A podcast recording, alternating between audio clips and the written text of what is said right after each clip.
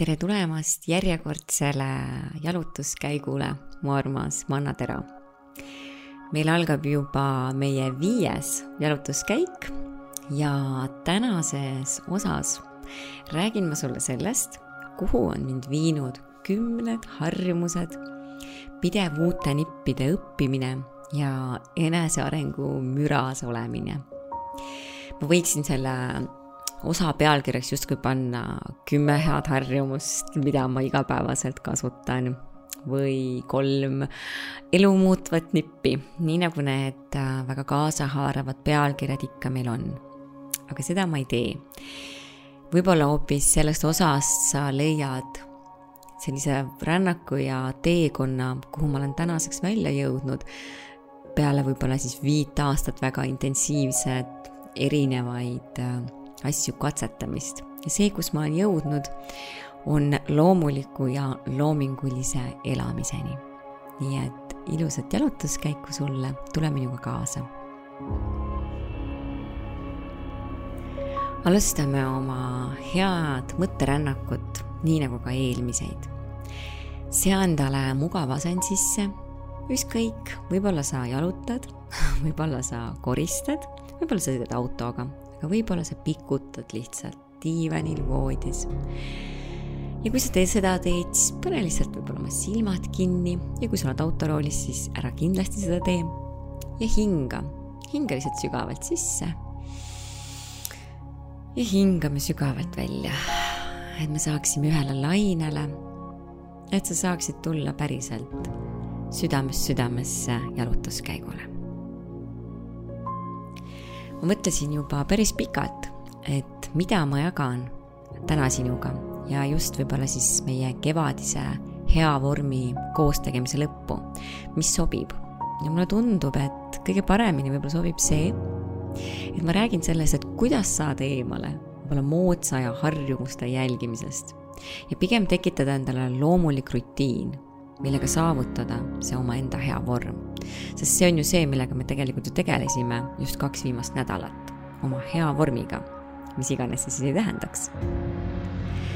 kui ma kirjutasin selle osa esimesi mõtteid, siis on äh, meie väga kohutav ja kurb sõda käinud esimesi päevi. ja ma istusin oma armsas kodus mis on tehtud nii hoole ja südamega ja oleme ausad ka kogu, kogu oma finantsidega, mis mul üldse hinge taga oli. ma tegin endale oma lemmikud kaneeliteed ja ma asusin suure maailma suhtes tegelikult kohutavalt äreva tundega, aga meie väikese Gracefiti maailma suhtes armsa tundega seda jalutuskäiku kirjutama. mul on kodus üks lemmikkoht ja see on köögilaud ja seal on täpselt üks konkreetne koht, roosa koht kust ma näen elutoa suurtest akendest välja, meie päikesepõllule. ja seal elab minu meelest avarus, õhk ja võib-olla ka lootus. ning väga sageli ka bämbid. ja mul mängis taustaks tol hetkel uus muusika, mille ma olin kogunud äh, Gracefiti uuteks trennideks. üks väga lüüriline araabiakeelne lugu. ja ma tundsin järsku, kuidas ma tahaks lihtsalt nutta ja mitte millegi konkreetse pärast, olgem ausad, viimased mõned aastad on mul kogu aeg millegi pärast, miks ma olen tahtnud nutta. aga sel hetkel mitte millegi konkreetse pärast, kuid ma tundsin, et mu süda ja hing on nii hell. ma mõtlesin Ukraina rahvale ja midagi lihtsalt liigutas mind nii tugevasti ja puudutab ja see on väga sarnane emotsioon vahest ka mul on Gracefiti üritustel või festivalidel, kus ma sageli tunnen, et olles ja liikudes seal kõik koos, koos sinuga puudutab mind vahest nagu miski nagu ülevalt poolt. ja ma olen mõelnud, et ilmselt on see mu ema ja isa ilmselt kõikide teiste inglid, kes seal elavad. ja seekord võib-olla puudutab mind väga vabadus, elujanu ja eluilu. see soov ja rõõm, et tahan elada, nii väga tahan. ja ma tahan elada nii väga rõõmsalt, just seda ma mõtlesin paar päeva enne, kui meie suures maailmas tuli täielik kaos ja võib-olla see on midagi, mis on minu ema-isa surma õppetund mulle. et ma avaksin silmad, et ma pühiksin pisarad ja laseksin selle tohutult raske ja pideva mure oma südamelt minna. ja elaksin, sest mulle on antud veel elu. Nad kindlasti, kindlasti ütleksid seda. ära kuluta oma aega raskusele, liigu edasi, tee otsused, tee rahu. emmele meeldis mul ikka öelda, et mõeldud-tehtud. mul oli selline tunne, nagu nad räägiksid tol päeval minuga. Ja selle liigutatud emotsiooni juures ma mõtlesin, et nii tore on tegelikult üldse võimalus teha oma lemmikud kaneeliteed, oma lemmiku Stablescape'i kruusikesest, mille mu kallis Laura mulle on kinkinud et kui armas ja milline privileeg meil on elus, et me saame teha oma ilusaid harjumusi. kui väärtuslik see on, need väikesed asjad ja kui õnnelikud me oleme, et meil on võimalus seda teha. Ja ma mõtlesin, et elu võikski toimetada hea tundega, nii nagu ka meil oli meie hea vorm. üldine toon ja foon võiks olla see, et meil on hea. kuidas sina tunned? kas sa teed ja toimetad oma elus üldiselt hea tundega? mõtle sellele hetkeks. kuidas sa toimetad oma igapäevas, oma kallimaga, oma perega ja iseendaga, oma töö juures.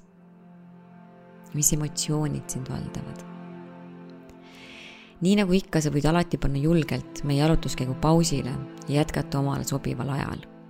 võib-olla sa soovid isegi mõned mõtted üles kirjutada ma päris sagedasti kuulan midagi ja mind tabab keset seda kuulamist heureka, mis vajab alati kuidagi salvestamist.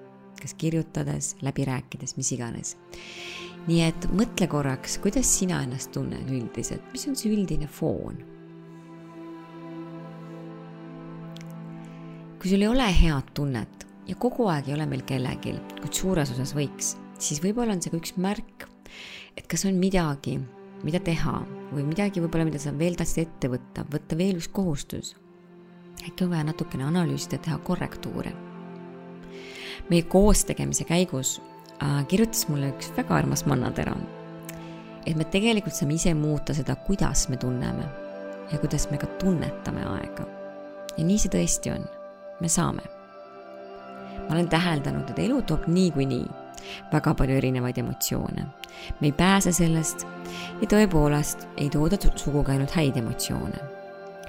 Seega me võib-olla võiksime ise asju teha nii, et kui teha, siis anda sada protsenti endast parim. aga ka mõelda, kas me saame seda teha hea tundega. sest palju on ikkagi ju meie valik kas kõike peame üldse tegema täna, mida me täna teeme ja oleme valinud teha, aga samas näiteks nuriseme pidevalt. äkki on midagi, mida me ei peakski enam tegema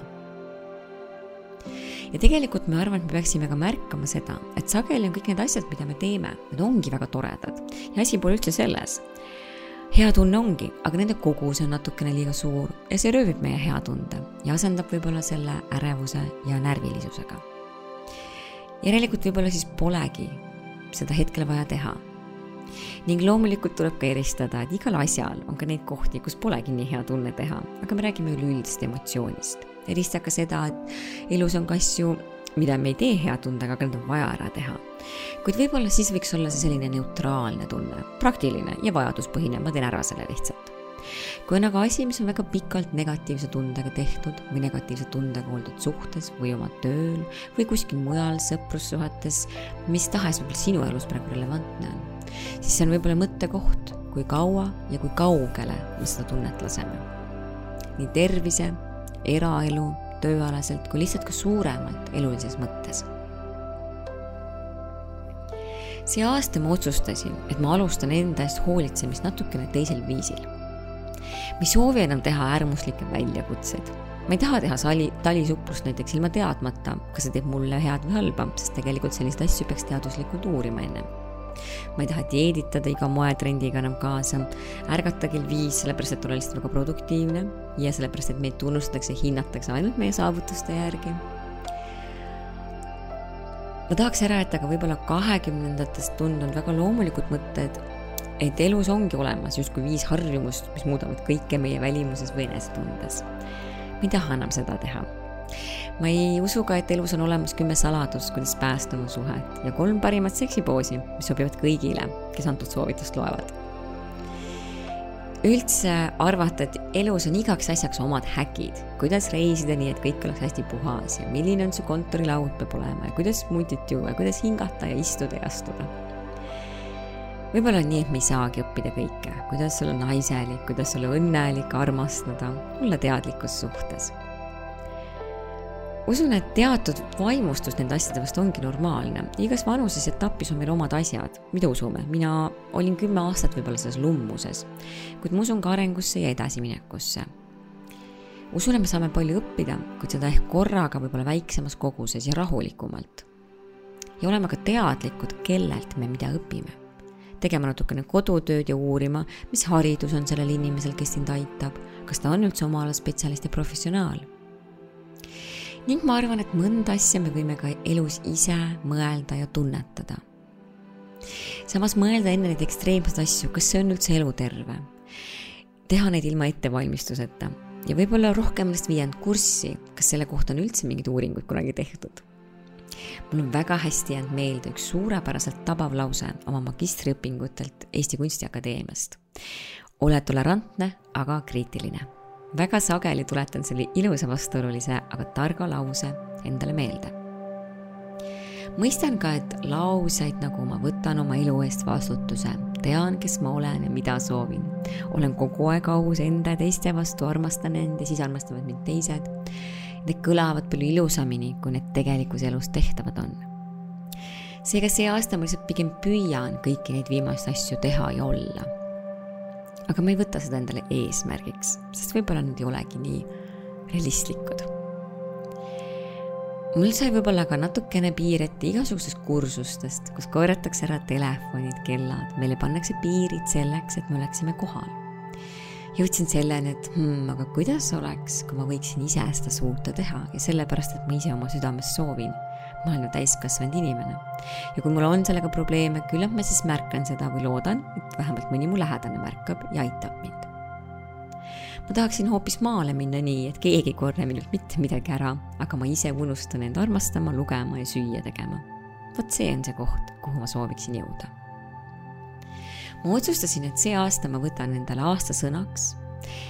nii et ma võtan endale neli aastasõna igaks veerandiks, sest üks sõna ei võta kahjuks kokku enam minu üleelamisi ja tundeid. minu selle aasta esimese kolme kuu esimese veerandi märksõna oli ausus. ilus, valus ja rahulik ausus, aga õige. ausus enda vastu on alati õige, ükskõik kui valus see ka ei oleks.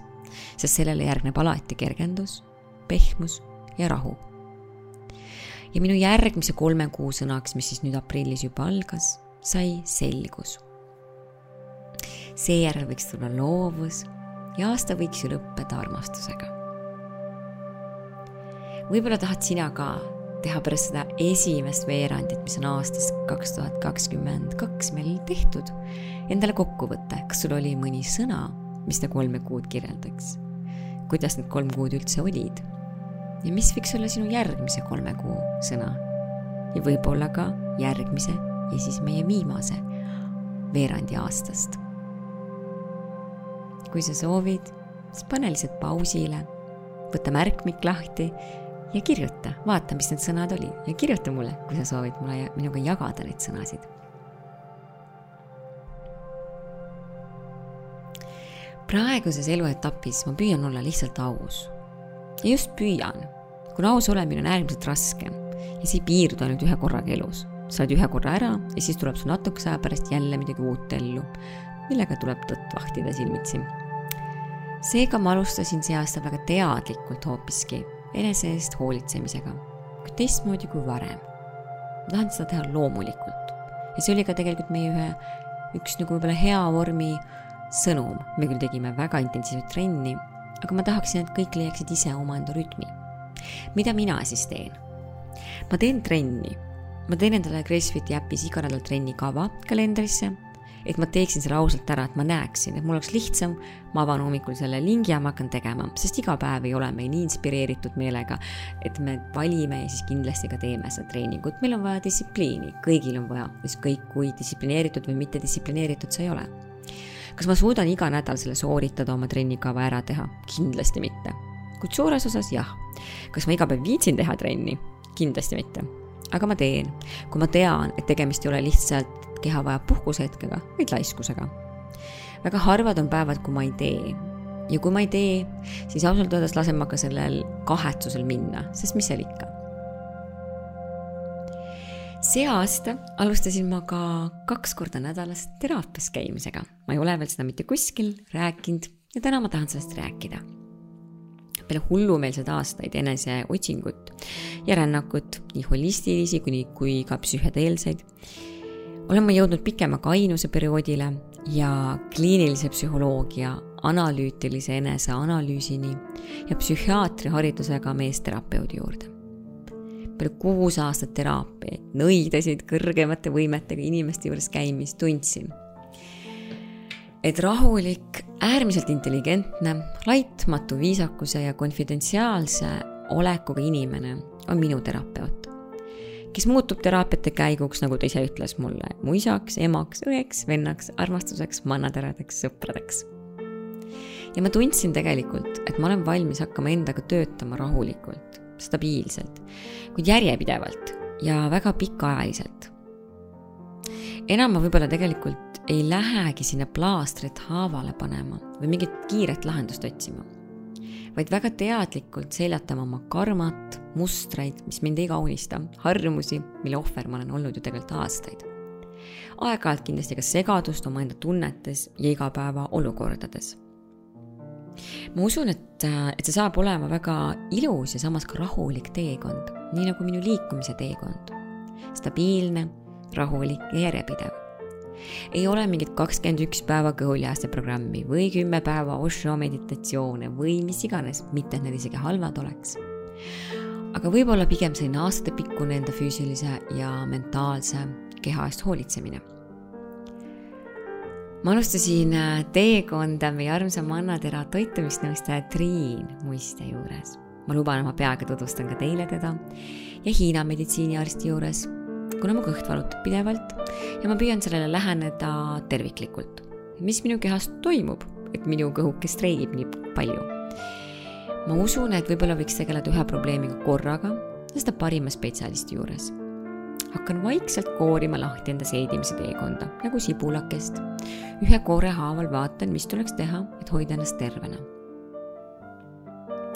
ma tegelen oma ärevuse võib-olla ka mingisuguste psühhosomaatiliste nähtustega, kui need tulevad esile.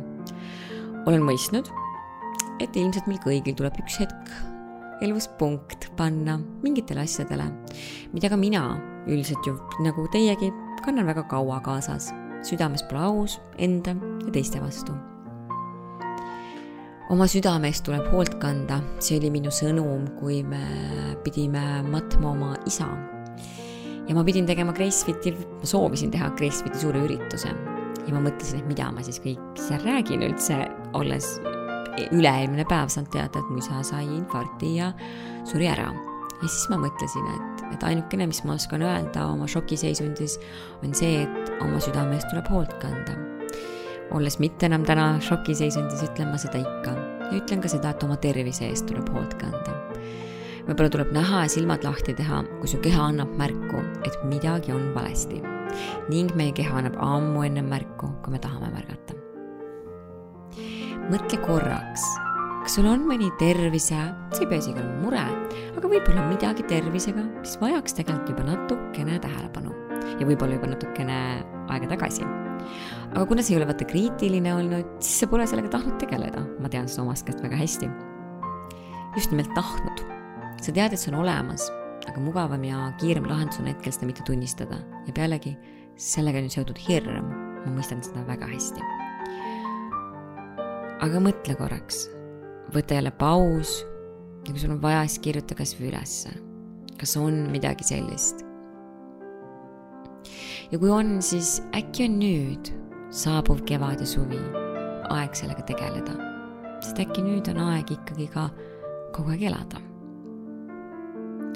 kas sul on mõni mure või vastuolu sinus, mida sa tead väga hästi, millest see on põhjustatud, aga sa lihtsalt veel ei ole leidnud endas jõudu ja energiat, et sellega silmitsi seista. mõtle ka selle üle väga-väga hoolikalt, mis sinu elus toimub praegu, kuidas sul läheb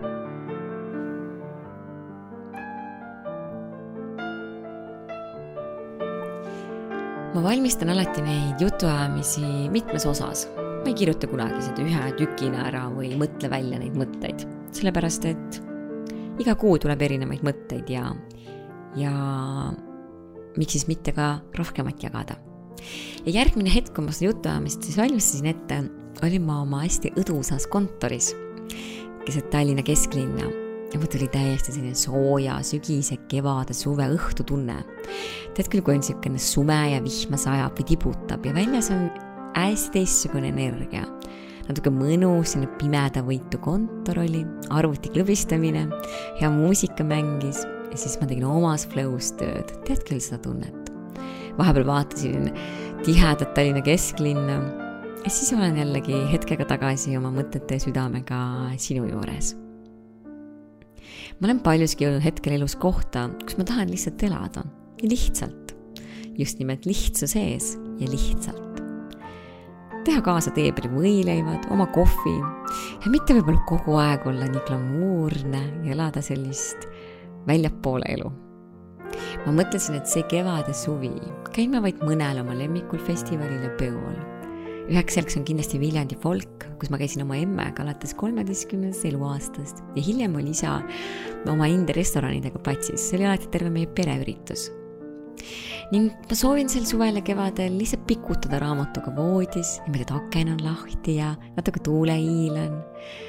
või suv, suvel lihtsalt murul olla ja naerda ja naeratada võib-olla isegi jääkorra need liigsed šampuse klaasi kõlistamised ja ülearu sättimised, olgu neid tasakaalukalt vähe ja rohkem mõnusat olemist. see hooaeg jäävad ära minu jaoks ka lõputud tasuta inspiratsioonipäevad kümne kuni kahekümne esinejaga, kes kõik ongi suurepärased, kuid seda on kõike liiga palju.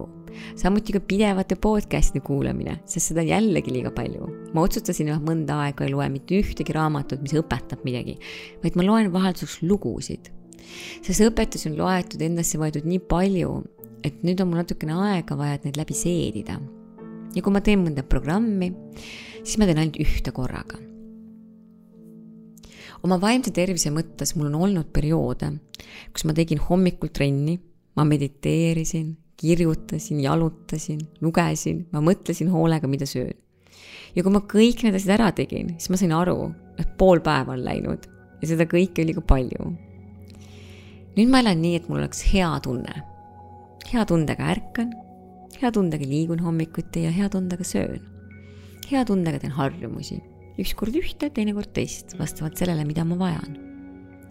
mõnikord ma teen jalutuskäigu, mõnikord aeglase trenni, teinekord aga väga intensiivse trenni. mõnikord ma kirjutan, kui ma tunnen selle järgi vajadust, aga mõnikord ma vajan mediteerimist ja hingamist, nii kuidas tunne on ma tahan lugeda nii kaua, kuni ma soovin. ei, ma ei võta aega ega loe kümmet lehekülge, ikka nii palju, kui sel päeval huvi on. võib-olla tahakski elada nii, et kõik pole arvudes mõõdetav, vaid pigem tundes. ja ma olen mõelnud viimasel ajal, et ma sooviksin olla lõpuks vormis. ma soovin tunda end lõpuks hästi. jah, oma kehas, aga ka oma mõtetes. et ma ei ketraks, ei mängiks rikki läinud plaati ja ma soovin tunda end hästi oma südames. ma ei soovi olla enam pidevalt kurnatud, vaid pigem tegeleda inspireerivate asjade ja teemadega. tunda, et ma saan ja mul on aega ning energiat, et tegeleda. ma pole viimased kaks aastat väga palju elanud. ma olen, aga tegelikult olen ma ikkagi üsna palju udu sees olnud. ja nüüd tundub see ülesanne mulle eriti oluline. elada nii, et ma tunnen ennast hästi ja päriselt elada olla eluterves ja heas toetavas rütmis. ning mida lähemale hakkab hiilima kevad ja suvi, seda rohkem me kuuleme ja näeme reklaame stiilis, et nüüd on viimane aeg saavutada oma rannakeha. ma usun siiralt, et me võiksime olla oma heas vormis suvel, aga ikka ka kevadel, sügisel ja talvel. ma usun siiralt, et me ei peaks olema ülivormis füüsiliselt suvel karmi tervise emotsionaalse hinnaga vaid füüsilise vormi teekond olgu rahulik, stabiilne ja järjepidev. ma arvan, et me ei peaks ka ise tootma neid väga ebarealistlikke ootuseid, pilte juurde, siis lauldes laulu, et hakkab suvi ja on kangesti vaja nüüd saada kõhnemaks. ma olen kindel, et me tegelikult soovimegi suve tulekul nautida sooja aega, aga seda kogu tema värvigammas liikuda ja toituda tervislikult ja samal ajal puhata ja lõbutseda. Elu on ju tegelikult oma värvikirevuses väärt elamist. elu on magus, kallis ja väärt. ja võib-olla ülaltoodutest on meil palju olulisem tegelikult meie tervis ja üleüldine heaolu, elukvaliteet. ka see, kuidas me naudime elu ja kuidas me seda tunnetame meil tegelikult väga sageli ei olegi vaja olla nüüd ülivormis, vaid endale heas vormis. et me tunneksime ennast veetleva ja enesekindla energilisena. Ma olen mõelnud, et ma tahan väga lahti lasta sellest hullumeelsest vastumeelsest treenimisest ja leida endale stiil ja rütm, kuidas treenida läbi aasta, läbi heade ja halbade aegade ja aktsepteerida tegelikult ka oma kehvemat vormi ja märgata, et tuleb jälle endast hoolitseda ning siis jällegi tähistada oma head vormi nii ma ise kui ka tegelikult Grace Fitis ma ei soovigi jagada mõtteid sellest ideaalsest bikiini vormist ja ma kipun uskuma, et see, mis ideaalne on, et see on natukene ka välja mõeldud. Aga mida ma kutsun küll kaasa sind mõtlema, tunnetama ja ka saavutama, on võib-olla see, et milline vorm on just sinule see kõige ilusam ja tervislikum ja kuidas me elutervel viisil, niisugune nägu naerul ja meel õnnelik saaksime selle saavutada seega sellel jalutuskäigul ma tõepoolest ei toht-, tahtnud ja soovinud sulle avaldada mõtteid. Kolm asja, mis muudab sinu elu.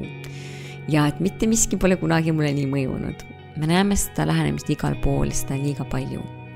minu tõde ei pruugi olla tegelikult sinu tõde, aga see võib olla.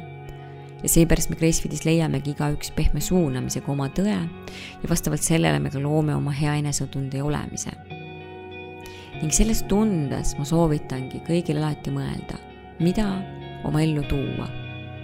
Kas ma vajan seda üldse praegu ja kas see aitab mind praegu? samamoodi ühinen mina programmidega, mõeldes, kas see aitab mind praegu, millist osa elus see mind aitab. mida see teeb minus või minul paremaks? kuidas ma saan olla enda teiste vastu just parem inimene? hoolivam, armastavam. Enda ja teiste vastu alati on võrrandis kaks poolt kõik, kes tegid hea vorm koos tegemist ka kaasa. Ja üldse kõik, kes te praegu kuulate mind ja te pole meie liikmed Gracefit'is, siis loomulikult ma ootan sind väga meie juurde. kuid siis, kui sa tundsid ja tunned, et see on midagi, mis, mis sind kutsub, et see on midagi, mille puhul sa tunned, et see on sulle ja see toetab, suunab, aitab sind just täna sinu elus ja asjades edasi.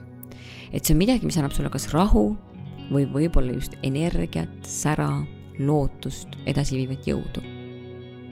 See on äkki midagi, mis annab sulle lihtsalt võimaluse liikumiseks.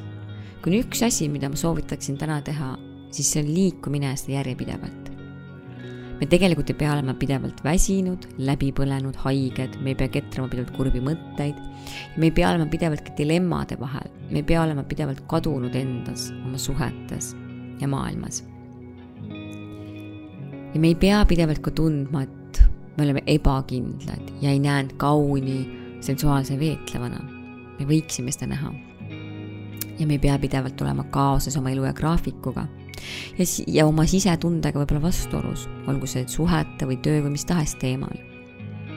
ja me ei pea olema pidevalt tundes, et liiga palju on asju ja kohtumisi, isegi kui nad on toredad. ei pea elama tundega, et ma tegelikult ei taha neid asju teha, aga teen teiste või mis tahes pärast et me pidevalt ei taba end mõttelt, et meie mõst-, mõttemuster on kogu aeg sama. Me ketrame samu mõtteid ja need kipuvad olema natukene negatiivsed mõtted. täna ma saan ainult seda öelda, mis on minu jaoks olnud tõesti väga oluline asi ja mis on mul kandnud tänaseks läbi aastate. ja tegelikult ka seda võib-olla, mida ma olen kuulnud oma kallitelt mannateradelt. ja minu siiras soov on see, et võib-olla on see ka sulle hea. ja selleks on liikumine. see on viinud mind raskest olekust tundeni, kus ma jälle elan ja näen. näen seda, et elu on vaatamata raskustele väga ilus. minu jaoks on olnud täielik koju jõudmise tunne just see hetk, kus ma rullin oma mati lahti ja teen esimesed venitused ja hingamised. just see täielik vabanemise tunne. ja see tuleb järk-järgult meie kehadesse, ma lihtsalt liigun. ma teen seda siis, kui mul on olnud kõige kehvem olla ja ma olen tundnud, et ma lähen hulluks. nii raske ja ängistav tunne on olnud. Ja ma teen seda siis, kui ma olen väga õnnelik ja armunud ja see tõstab mind nii kõrgele. ja minu jaoks on olnud väga elumuutev, mulle küll ei meeldi see sõna, kuid nii ta on kahjuks minu jaoks või õnneks, on olnud naistekuu tsükli teooria ja teadvustamine naiste arhetüüpidest ja variarhetüüpidest. ma kuidagi olen tänaseks mõistnud, et elus on kõik tsükliline ja me ei saagi elada ainult mõeldes enda peale, me oleme mõjutatud loodusest ja meie naised oma kuutsüklist väga-väga palju. Ja me võiksime, ütleme ka baasteadmisse vähemalt äh, tasemel teada sellest naiste kuutsüklist, millest ka ma Gracefitis räägin väga palju kuidas need erinevad faasid kannavad meid ja tekitavad tujusid, emotsioone ja mingeid isusid ja energialanguseid ja tõuse. isegi meie aju töötab teistmoodi. kuidas olla natukene kavalam ja mitte võtta endale seda menstratsiooniaega kui nõrkust, vaid võtta kui seda kogu perioodi kui tugevust, sest tänu sellele, et sul on menstratsioon, on sul ka teised faasid. ja võib-olla üldse seda menstratsioonifaasi näha kui tõelist tarkuse aega ja kõike seda tsüklilisust näha kui kogu aeg ühte uuesti sündi ja ühte sellist elutsüklit. minu meelest on naistel tänu sellele nii suur võimalus kogu aeg alustada ka uuesti. Ma tean, et naistele on kõige elutervem, nii füüsiliselt, aga ka väga palju vaimselt, just sinu mõtete ja sinu südame koha pealt liikuda vastavalt oma kuutsüklile. sest see aitab sul treenida aegadel, kus sul on väga palju energiat ja see aitab sul lõdvestuda ilma süümepiinadeta ajast kuust, kus sul on vaja puhata just niimoodi olen ma tegelikult kogu Gracefiti üles ehitanud ja ka selle programmi, et sa mõistaksid seda tsüklilisust ja mitte ainult ei mõistaks, vaid et sa tunnetaksid seda enda sees. Ja siis, kui sa juba ei ole enam programmis, sa tunnetad ikka neid rütme ja sa saad vastavalt sellele valida oma tegevused just need teooriad on aidanud mul endal aru saada oma mustritest ja harjumustest. uskuge mind, mis pole kõige graatsilisemad, mul on olnud väga palju surma viimasel ajal, mul on olnud väga palju armastust ja suhteid, aga väga palju ka segadust. ja need on olnud teooriad, mis on tekitanud mulle tunda, et ma lõpuks saan endast aru ja ma jõuan vaikselt koju. omaenda naise kehasse ja omaenda naise südamesse. Need on olnud hästi loogilised, lihtsad ja piisavad. ja mul on oluline, et need oleksid üsna lihtsad ja loomulikud. Need olengi mina see on nagu üks osa minust ja ma ei pea seda kuskilt väljast otsima, ostma või, või kogu aeg tundma, et mul ei ole seda, et ma ei ole piisav, mul on midagi puudu. tegelikult ei ole nii. ja vot just seda kõike, seda emotsiooni ja tunnet jagan ma Gracefitis. Ja jagavad ka kõik teised naised tegelikult. ma tahan, et äh, uus kevad tooks sulle värskeid ideid, teadmisi, lugemisi mis annavad sulle põnevaid küsimusi ja vastuseid. ja võib-olla ongi aeg vahetada natukene oma mõttes kogu aeg mänginud sellist plaati ja teha ruumi uutele ideedele ja võib-olla isegi natuke teise nurga alt. ma loodan, et sinu kevad ja suvi toob sulle sellise hea vormi, mida sa tahad ja mida sa soovid ja millest sa oled unistanud. mille sa suudad saavutada seekord stabiilselt, rahulikult ja hea enesetundega. head kevadet ja me kohtume sinuga jutuajamises juba maikuus. aitäh, et olid minuga